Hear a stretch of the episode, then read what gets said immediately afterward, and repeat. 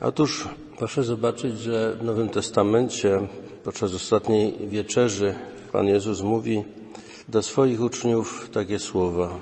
Już was nie nazywam niewolnikami, lecz przyjaciółmi. W naszym tłumaczeniu tam jest użyte słowo sługa, ale to jest dokładnie to samo to słowo co niewolnik. Pomiędzy Bogiem i człowiekiem rozgrywa się taki swoisty dramat. Bóg poprzez e, obdarowanie człowieka wolnością, zdolnością rozumu, komunikacji, poznania, stawia przed nim jednocześnie wybór. Stwarzając go jeszcze do tego na swój obraz i podobieństwo, jak to czytamy w Księdze Rodzaju, tym samym jakby daje człowiekowi taką perspektywę. To, co zresztą drugi Sobór Watykański mówi, że człowiek na ziemi jest jedyną istotą, którą chciał on ze względu na niego samego, ale człowiek nie może się zrealizować w pełni inaczej, jak tylko przez szczery, bezinteresowny dar z siebie. Tylko wtedy, kiedy wejdzie w relację miłości z drugim, właściwie konkretnie z Bogiem, to y, wtedy dopiero może w pełni zaistnieć, być tym, jaki był Boży zamysł w odniesieniu do Niego od samego początku. Stwarzając Go na swój obraz i podobieństwo, jednocześnie daje Mu taką możliwość realizacji tylko przez życie w miłości. Święty Augustyn pisze te słynne słowa w wyznaniach Stworzyłeś nas Boże jako skierowanych ku Tobie i niespokojne jest nasze serce, póki nie spocznie w Tobie. To jest wyraz jakby tego dramatu człowieka na ziemi. Jeżeli z kolei by człowiek widział się tylko w perspektywie horyzontalnej, no to niestety trafiamy tutaj na logikę Kocheleta ze Starego Testamentu, który jak refren powtarza marność nad marnościami, wszystko marność. Nic po prostu na ziemi nie jest w stanie człowieka wypełnić, pozwolić mu się spełnić. Nie ma takiej możliwości. Z drugiej jednak strony, miłość, do której człowiek jest wezwany, ma ogromne wymagania. Wymagania miłości przekracza nasze lęki, dlatego że jedyną granicą miłości jest miłość bez granic. Natomiast Pan Jezus daje nam właśnie tylko to jedno przykazanie. To jest moje przykazanie, byście się wzajemnie miłowali, tak jak ja Was umiłowałem. Przy czym y, nasza miłość jest z istoty swojej zawsze odpowiedzią. To nie jest tak, że my sami przychodzimy z miłością do Boga. Święty Jan w liście pisze tak, że potem poznaliśmy miłość, że On, znaczy Bóg, oddał za nas swoje życie. My także winniśmy oddać życie za braci. I miłość polega na tym, że On pierwszy nas umiłował. Stąd myśmy powinni też miłować. Właśnie przez to, że doświadczyliśmy miłości. Lęk przed miłością, przed tym wymaganiem miłości wzmacnia naszą niepewność w naszym poznaniu drugiego człowieka, jego intencji, uczciwości. Tutaj jest właśnie ten dramat. Drugi człowiek też jest wolny, jeżeli go spotykamy, no nie możemy być nigdy do końca pewni tego, czego się możemy po nim spodziewać. I w miłości zawsze jest konieczna odpowiedź w wolności. W pieśni nad pieśniami na mówi Zaklinam was, córki jerozolimskie, na gazele, na łanie pól. Nie budźcie ze snu, nie rozbudzajcie ukochanej, póki nie zechce sama. Póki nie zechce sama. Stąd ze strony Boga jest zaproszenie, ale zawsze jeżeli chcesz, to chodź. Sam musisz chcieć. Miłość e, człowieka do Boga i Boga do człowieka jest miłością wybrania. Bóg wybrał nas jeszcze przed założeniem świata, jak czytamy w liście do Efezja na początku. Ale tego samego od nas oczekuje, abyśmy my Go wybrali. Bóg chce, byśmy Go wybrali, byśmy Go pragnęli, sami chcieli do Niego dojść. I taka miłość wybrania musi być y, konsekwentnie potwierdzana i realizowana w życiu. Przy czym dlatego w tej miłości wybrania jest troszeczkę podobnie jak właśnie w miłości między ludźmi, tej miłości wybrania też istnieją kryzysy. I nawet jeżeli Pan Bóg przychodzi do człowieka w sposób taki wyraźny, jak na przykład święty Paweł doświadczył tego pod Damaszkiem, w tym objawieniu, czasami to może być też taki wymiar, jak Bóg się objawia, czy przejawia na różny sposób w jakichś doświadczeniach mistycznych, to po tym doświadczeniu, takim, powiedziałbym, mocnym, przejrzystym, jasnym, transparentnym, takim powalającym człowieka, tak, świętego Pawła, zazwyczaj przychodzi doświadczenie zupełnie przeciwne, takiego zupełnego opuszczenia, samotności, pustki, noc ciemna, jak to święty Jan od Krzyża określa. Przychodzą wątpliwości. I to takie wątpliwości, w których można sobie powiedzieć, że właściwie to, co się stało, to były jakieś chimery, jakieś tam po prostu doświadczenia przedziwne. Kiedyś święty pamięci ojciec Bernard Turowicz, on mi opowiada, on był matematykiem, profesorem matematyki i opowiadał mi, że jego przyjaciel, też profesor matematyki, był na wakacjach. On tam spotkał takiego znanego polskiego filozofa, ateistę. I przy stoliku ten filozof mu się zwierzył z takiego doświadczenia przedziwnego dla niego. Mianowicie mówi mi tak, wiesz, pewnego dnia przyszło na mnie takie przeświadczenie, że Bóg istnieje. I przyszło tak nagle, mówi, i było tak mocne, że ja sobie przypominałem wszystkie argumenty przeciwko istnieniu Boga i tak dalej. I nic to nie pomagało w ogóle. Nic nie pomagało. No ale po dniu to przeświadczenie zniknęło. To jest właśnie takie wołanie Boże do człowieka.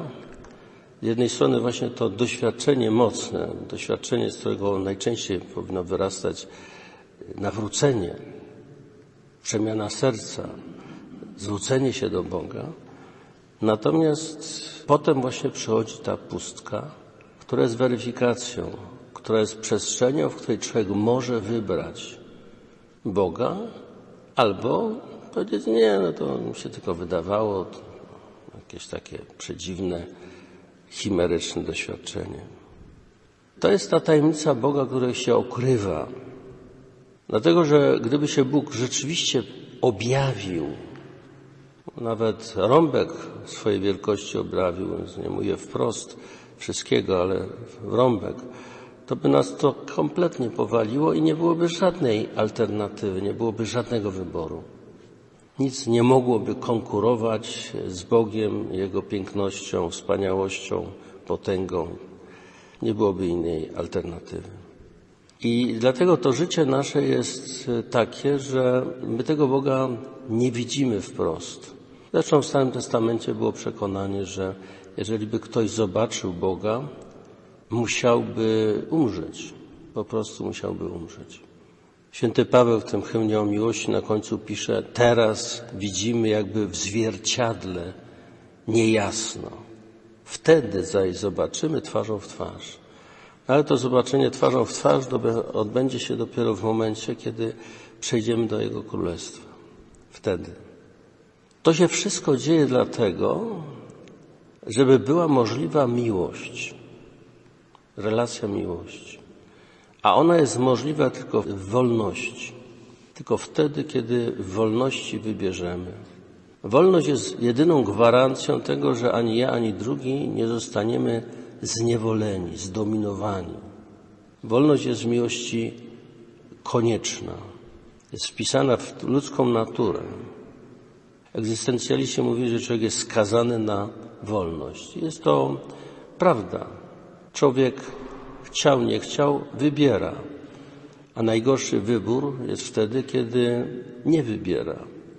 bo nie wybierając i tak wybiera. Przy czym jest to jakaś ucieczka od wyboru. Jeżeli człowiek świadomie wybiera, to przynajmniej wie, co wybiera i wiedząc, co wybiera, może potem to korygować.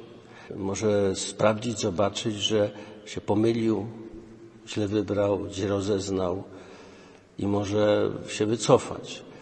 A kiedy właśnie ucieka od wolności i nie wybiera, w istocie wybiera najgorzej, bo nawet nie wie, co wybiera. Wolność powoduje, że nie ma możliwości absolutnego zniewolenia kogoś, narzucenia mu swojej woli czy uczuć, a także oddania drugiemu swojej wolności. I stąd właśnie wolność jest warunkiem autonomii, tożsamości człowieka, która nie jest zdominowana, nie jest w ręku drugiego. I wolność się objawi, czy tego chcemy, czy nie chcemy. Na pewno w chwili śmierci odezwie się, często jako wyrzut sumienia. Człowiek będzie sądzony według swej wolności. Tutaj jest bardzo taki mocny tekst z listu świętego Jakuba. Pozwolę sobie to przytoczyć z drugiego rozdziału. To pada w kontekście tej wiary faryzeuszy w to, że dzięki przestrzeganiu prawa człowiek osiągnie zbawienie. Jakub pisze tak. Choćby ktoś przestrzegał całego prawa, a przestąpiłby jedno tylko przykazanie, ponosi winę za wszystkie. Ten bowiem, który powiedział nie cudzołóż, powiedział także nie zabijaj. Jeżeli więc nie popełniasz cudzołóstwa, jednak dopuszczasz się zabójstwa, jesteś przestępcą wobec prawa. I teraz właśnie to, o co mi chodziło. Mówcie i czyńcie tak, jak ludzie, którzy będą sądzeni na podstawie prawa wolności. Będzie to bowiem sąd nieubłagany dla tych, którzy nie czynią miłosierdzia. Miłosierdzie odnosi tryumf nad sądem. Z jednej strony, jak spojrzymy na ten tekst, jest on wyzwoleniem z tego, jak to święty Paweł nazywa, przekleństwa prawa. Przekleństwo prawa polega na tym, że właśnie wystarczy przekroczyć jedno e, przykazanie, a już człowiek ponosi konsekwentnie, jakby całe prawo odrzucił. Tak, tutaj Jakub to też potwierdza. Natomiast my będziemy sądzeni według prawa wolności, ale to prawo będzie nieubłagane dla tego, który nie czyni miłosierdzia, czyli który nie wchodzi właściwie w tą relację miłości prawdziwie. To jest inne wyrażenie tego, co się Pan Jezus mówi o sądzie, że coście uczyni jednemu z tych najmniejszych, mnieście uczynienie. I w związku z tym, jak czynimy miłosierdzie wobec innych, jesteśmy zaproszeni do Niego. Jeżeli zaś nie, to, to nie, to odrzuceni. I tutaj jest e, zupełnie podobnie to e, określone. Jakub jednocześnie tutaj podkreśla wolność jako ten element konstytutywny miłości, miłosierdzia. Wolność jest czymś, co nam daje głębię i pozwala odkryć miłość. Tę relację w miłości, która jest życiem. Tak było w tym obrazie w przypowieści o miłosiernym Samarytaninie. On, y, usłyszawszy to wewnętrzne poruszenie, widząc człowieka pobitego, poszedł za tym, wybrał to, zdecydował się i dzięki temu stał się bliźnim tego człowieka.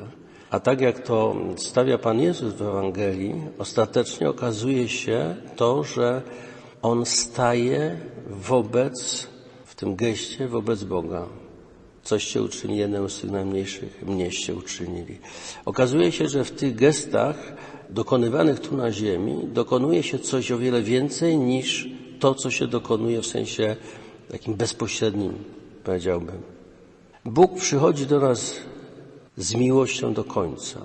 Mówiliśmy o tym, czytając ten hymn o Kenozie. Z miłością do końca przychodzi i ta Jego miłość do końca przełamuje wszelkie tutaj, powiedziałbym, bariery, jakie istnieją na świecie. aż do końca, aż do stania się przekleństwem. To święty Paweł mówi. Przeklęty, kto zawisł na drzewie. I stąd istnieje tutaj y, niepokonywalna sprzeczność między tym, z czym Bóg przychodzi, a z tym, co istnieje na świecie, a co jest napędzane przez te namiętności, porządliwość ciała, oczu i pycha tego żywota. Logika Boga w stosunku do człowieka jest paradoksalna. Może dobrze to wyraża ta przypowieść o dzierżawcach. Pan Jezus ją opowiada w Ewangelii Mateusza. Posłuchajcie innej przypowieści. Był pewien gospodarz, który założył winnicę. Otoczył ją murem, wykopał w niej tłocznię, zbudował wieżę, w końcu oddał ją w dzierżawę rolnikom i wyjechał. Gdy nadszedł czas zbiorów, posłał swoje sługi do rolników, by odebrali plon jemu należny. Ale rolnicy chwycili jego sługi, jednego obili, drugiego zabili, trzeciego zaś ukamienowali. Wtedy posłał inne sługi, więcej niż za pierwszym razem, lecz i z tymi tak samo postąpili. Końcu posłał do nich swego syna, tak sobie myśląc, uszanują mojego syna. Lecz rolnicy, zobaczywszy syna, mówili do siebie, to jest dziedzic, chodźcie, zabijmy go, a posiądziemy jego dziedzictwo. Chwyciwszy go, wyrzucili z winnicy i zabili. Kiedy więc właściciel winnicy przyjdzie, co uczyni z owymi rolnikami? Rzekli mu, nędzników marnie wytraci, a winnicę odda w dzierżawę innym rolnikom, takim, którzy mu będą oddawali plon we właściwej porze. To jest ta przedziwna logika Boga. Pozabijali jego sługi, oczywiście jest aluzja do proroków, których Bóg posyłał, a jednak mówi, uszanują przecież mojego syna. I oczywiście, że nie uszanują, to jest oczywiste w tej logice tego świata. Tak ci rolnicy tutaj myślą. Jednak Bóg ma w sobie ogromną wiarę w człowieka. Wiara Boga w człowieka jest większa niż sobie wyobrażamy. W sposób nieostentacyjny, nie narzucający się, nie próbujący udowodnić prawdziwości, wielkości, Bóg przychodzi do nas, zapraszając do więzi ze sobą. Historycznie rzecz biorąc, to wyglądało tak, że Syn Boży urodził się w jakiejś dziurze zabitej deskami. Ani Betlejem, ani potem Nazaret to nie były jakieś wielkie miasta o jakimś znaczeniu. Prowincja kompletnie bez znaczenia. Sama Judea czy, czy Palestyna była wtedy terenem, kompletną prowincją rzymską, a do tego wszystkiego jeszcze Galileja była prowincją w prowincji. I jakaś tam wioska nad Jeziorem Galilejskim, to już w ogóle potem w Kafarnaum, e, czy właśnie ten Nazaret, mały przysiłek, to w ogóle to bez żadnego znaczenia. Jezus potem mówi do ludzi prostych, którzy nie mają żadnego znaczenia, żadnego wpływu na władzę, na to, co się będzie działo. Po prostu są takimi normalnymi wyrobnikami w swoim rzemiośle, w swojej pracy i tyle.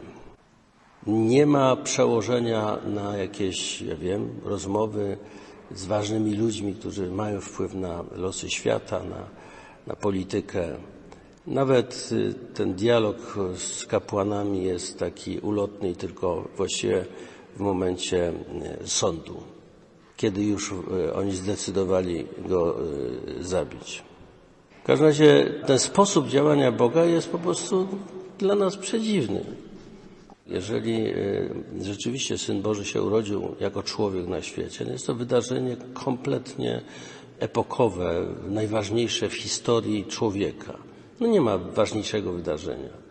Natomiast ono się dzieje w tak prowincjonalnym, bez znaczenia miejscu i otoczeniu, że po prostu zdumiewające. Ale właśnie to jest ta logika Boga, który przychodzi z niesamowitą skromnością i wzywa i zaprasza.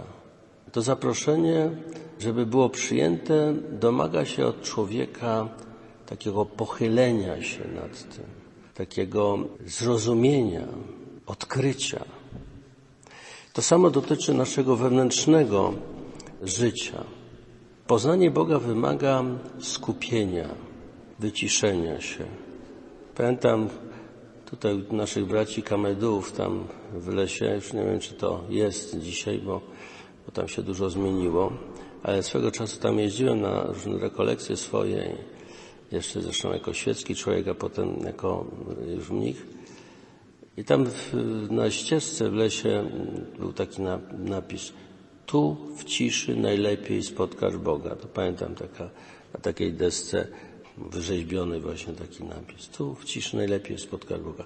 No właśnie, Boga można spotkać w ciszy. Bóg nie gada, nie krzyczy, nie wchodzi w dyskusje ideologiczne, przepychanki na świecie. Bóg milczy, ale to milczenie jest niesamowicie wymowne, głębokie. Tak jak prawda. Prawda nie krzyczy. Prawda po prostu jest taka, jaka jest. I człowiek ją może przyjąć. Jak jej nie przyjmie, to traci. Traci właściwie wszystko. To samo jest właśnie z Bogiem. Tutaj istotne jest to, że z Bogiem my mamy wejść w relację osobową, więź. Przypomnę, że my zasadniczo jesteśmy w trzech takich relacjach. Ja to, ja on i ja ty. Ja to to jest relacja przedmiotowa. Odnosi się do przedmiotów materialnych, ale też do idei, do myśli. Ja, on to jest relacja takiej funkcjonalności, bym powiedział, w życiu. My jakoś funkcjonujemy i tutaj musimy pewne rzeczy załatwić, idziemy do urzędu, jesteśmy partnerami w różnych poczynaniach, działaniach najmujemy pracownika do zrobienia czegoś, więc jest taka relacja praktyczna, powiedział, w działaniu. Przy czym tutaj działają różne właśnie motywy, nastawienia, więc bywa różnie. Bywa uczciwe zrobienie rzeczy, bywa też pokrętne, bywa czasami oszukanie kogoś i tak dalej. Natomiast relacja, w jakiej człowiek może się rzeczywiście zrealizować, to jest relacja ja-ty. To jest relacja osobowego spotkania. Przy czym ta relacja ja-ty jest prawdziwa wtedy, jak spotykamy się z drugim właśnie jako z kimś, kto ma udział w tym samym, byśmy powiedzieli, misterium bycia człowiekiem i rozpoznajemy to. Jan Paweł II w kontekście stworzenia kobiety powiedział tak, kobieta to jest drugie ja we wspólnym człowieczeństwie. Spotkanie ja-ty jest wtedy, kiedy spotykamy się z drugim i rozpoznajemy w nim partnera tego samego misterium bycia człowiekiem. Drugie ja we wspólnym człowieczeństwie. I tylko w takiej relacji możemy prawdziwie spotkać się z drugim. To jednocześnie wymaga od nas opuszczenia tego ego naszego, które zatroskane o swoje dobro i z innymi jest w takich relacjach handlowych, politycznych, wymiennych, takich coś za coś. Relacja ja-ty jest relacją braterską albo relacją takiej miłości oblubieńczej. To jest relacja, o której właśnie Sobór mówi, szczerego daru z siebie, wymiano już nie czegoś, ale wzajemnego obdarowania się. Wtedy ta relacja jest właśnie taka. I tutaj pojawia się naprawdę miłość, miłość, która okazuje się bez granic. My jesteśmy jednocześnie także wezwani do takiej relacji z Bogiem, ale nie jest to y, ta relacja tak, powiedziałbym, prosto, jasno uchwytna jak z drugim człowiekiem. Drugi człowiek jest kimś, przed kim stoimy. Natomiast z Bogiem jest inna sytuacja, Właśnie to, co święty Augustyn powiedział, że Bóg jest bliżej nas niż my samych siebie. W Bogu żyjemy, poruszamy się i jesteśmy, jak święty Paweł mówił na Araupagu. To jest zupełnie inna sytuacja, ale jednocześnie jest to wezwanie do partnerstwa. Natomiast praktycznie rzecz biorąc na świecie miłość do Boga wyraża się najbardziej w miłości do drugiego człowieka. Święty Jan w liście pisze, jeśli by ktoś mówił miłuję Boga, a brata swego nienawidził, jest kłamcą. Albowiem kto nie miłuje brata swego, którego widzi, nie może miłować Boga, którego nie widzi. Takie zaś mamy od Niego przykazanie, aby ten, kto miłuje Boga, miłował też brata swego. Wszystkie wymiary miłości, miłość Boga, bliźniego i siebie samego, one są ze sobą powiązane ściśle. I teraz tę miłość w tych trzech wymiarach trzeba budować. W odniesieniu do Boga trzeba powiedzieć, że tymi filarami życia duchowego są praktyki. Bo y, życie w istocie swojej, życie duchowe jest czymś na wskroś praktycznym. Tylko praktyka czyni mistrzem. Tylko praktyka. Nic innego, tylko praktyka. Do tej praktyki należy liturgia, lekcja dywina, modlitwa osobista. W relacji do bliźniego jest miłość bliźniego, która ma bardzo różne oblicza, bo inna jest miłość męża do żony, ojca do dzieci, inna jest miłość do matki, do ojca, do brata, siostry, do przyjaciół, do kolegów z pracy, spotkanego przygodnie człowieka. Różne wymiary są tej miłości, ale jedna jest zasada e, fundamentalna w tym wszystkim. Trzeba widzieć w tym drugim kogoś, kto jest uczestnikiem tego samego misterium bycia człowiekiem, bycia powołanym przez Boga do wspólnoty, dziecka Bożego. Niezależnie od tego, czy ten człowiek jest e, katolikiem, czy jest protestantem, czy jest Żydem, islamistą, ateistą, hindusem, niezależnie od tego, kim on jest, czy jest świadomy, czy nie jest świadomy tego, to się wyraża praktycznie, powiedziałbym, takim zwykłym szacunkiem do drugiego człowieka, a przede wszystkim szacunkiem do jego wolności Wymiar miłości do siebie nazywam zwykle ascezą. To jest podejście do siebie z taką miłością wymagającą, miłością, w której też poznajemy siebie przez spojrzenie na siebie od strony praktycznej. Sami siebie zaskakujemy w życiu i musimy się poznać, kim my naprawdę jesteśmy, na co nas stać. Sami siebie zaskakujemy, o tym już mówiłem wcześniej. I teraz y, więź z drugim człowiekiem, czy z drugą osobą w miłości, w wolności tworzy komunię osobową. I to jest prawdziwa metafizyka Ewangelii, która objawiła się ostatecznie przez zmartwychwstanie Chrystusa. Chrystus y, oddaje w ręce Ojca wszystko. W Twoje ręce oddaje Ducha mego, mówi. I teraz manifestacją przyjęcia Jego całej ofiary i wszystkiego jest zmartwychwstanie. I ono jest jednocześnie proklamacją zwycięstwa miłości nad śmiercią. Miłość potężniejsza jest od śmierci. I miłość jest tą właściwą metafizyką. To przez miłość do końca Jezus pokonał śmierć. I teraz komunia miłości jest tą rzeczywistością ostateczną. Bo taka jest rzeczywistość ostateczna w Bogu. Bóg jest komunią osób. I to jest ta prawdziwa rzeczywistość. I to bardzo dobrze wypowiada święty Jan na początku swojego listu. To jest też taki prolog jak w Ewangelii, trochę analogiczny. To wam oznajmiamy, co było od początku, cośmy usłyszeli o słowie życia, co ujrzeliśmy własnymi oczami, na co patrzyliśmy i czego dotykały nasze ręce. Bo życie objawiło się, myśmy je widzieli, o nim zaświadczamy i oznajmiamy wam życie wieczne, które było w Ojcu, a nam zostało objawione. Cośmy ujrzeli, usłyszeli, oznajmiamy także wam, abyście i wy mieli komunię z nami a mieć z nami komunię znaczy mieć ją z Ojcem i z Jego Synem Jezusem Chrystusem. Piszemy to w tym celu, by nasza radość była pełna. Ten tekst y, pisany przez już starca, bo Jan pisał ten tekst w latach dziewięćdziesiątych, miał prawdopodobnie gdzieś około tylu lat, jest y, pisany z jakąś taką wielką pasją. To wam oznajmiło, co było od początku. Początek to jest arche. Jak pamiętamy, pierwsi filozofowie greccy szukali arche. Arche tego, co istnieje. Arche to jest nie tylko początek w sensie czasu, ale to jest też zasada. To jest właśnie ta, powiedziałbym, metafizyka istnienia. To, co jest fundamentem istnienia. I teraz odpowiada słowo życia. Co było od początku, cośmy słyszeli o słowie życia.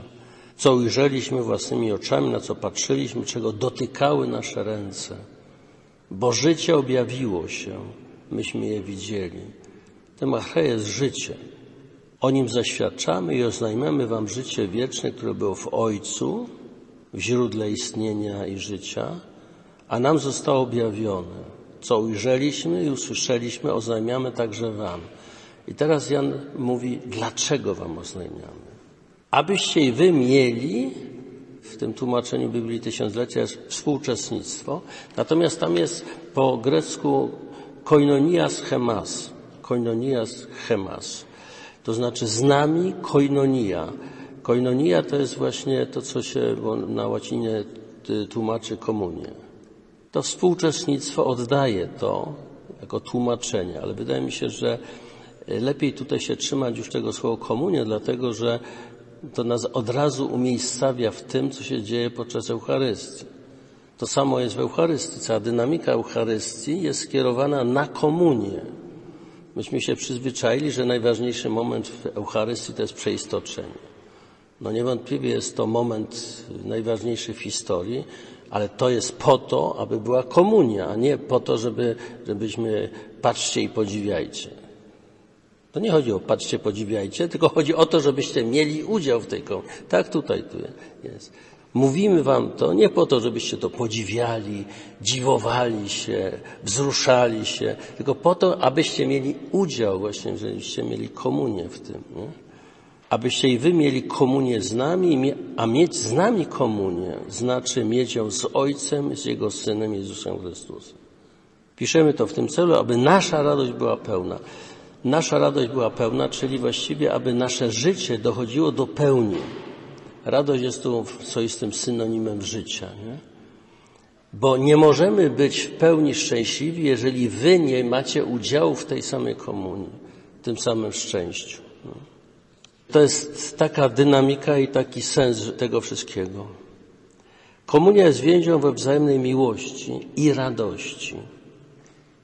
Przy czym jest to taka więź, w której każdy zachowuje swoją tożsamość i swoją wolność. Właśnie wolność daje mu tą odrębność i tożsamość. To jest przedziwne, ale właśnie tak jest. Mało tego, komunia jest silniejszą więzią niż jakakolwiek jedność innego rodzaju. Skała to też jest pewna jedność, ale ją można rozbić. Jak pęknie, to już koniec. Komunia jest więzią mocniejszą. Zresztą y, tak jest pomyślany też człowiek przy stworzeniu. Na początku stwarzając człowieka, jednocześnie Bóg ustala małżeństwo. To jest nierozerwalne. Nierozerwalne, niezależnie od losów y, człowieka. Natomiast sama tajemnica nieprawości potem powoduje, że, że misterium małżeństwa jest tak trudne często do zrealizowania, bo to jest to pole walki. I dopiero tutaj, właśnie na poziomie komunii osobowej, odkrywamy prawdziwe podobieństwo między człowiekiem i Bogiem. W Bogu jest komunia Ojca z Synem w miłości, którą jest Duch Święty. To jest ta jedność, komunia Ojca z Synem w Duchu Świętym. Zresztą ciekawe, że tutaj u świętego Jana w tym prologu jest mówione, abyście mieli komunię, a mieć ją z nami znaczy mieć ją z Ojcem i Synem. Nie ma wymienionego Ducha Świętego, dlatego że On jest tą komunią. Duch Święty jest osobą prawdą, osobą miłością, osobą komunią. Stąd właśnie mamy taki problem z Duchem Świętym, bo to jest przedziwna osoba. Ona jest całkowicie re relacją, miłością. I teraz tu jest podobnie w naszym przypadku. W Bogu jest miłość Ojca i Syna w Duchu Świętym. I teraz w małżeństwie, tak to w sakramencie mamy to samo. Miłość męża i żony jako sakrament, czyli w Duchu Świętym. Jest dokładnie ta sama struktura. To podobieństwo w tym momencie wyraża się przez podobieństwo dynamiki życia, którą jest miłość w Duchu Świętym.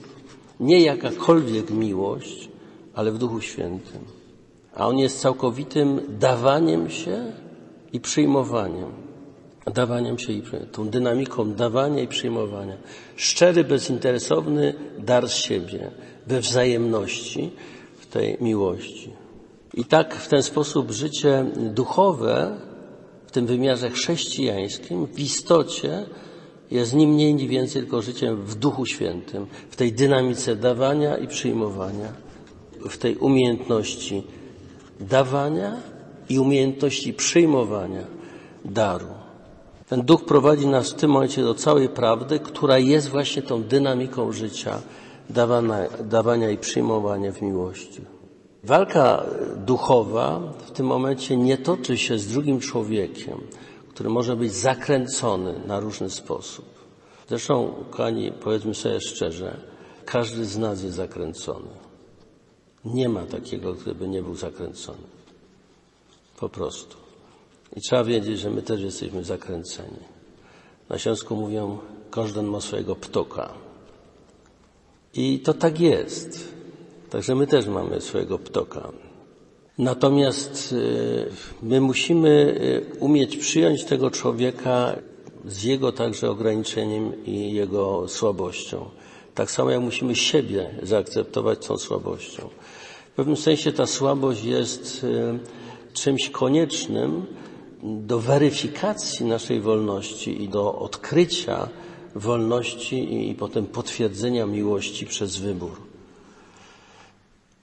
To życie na ziemi jest dla nas wielką szkołą.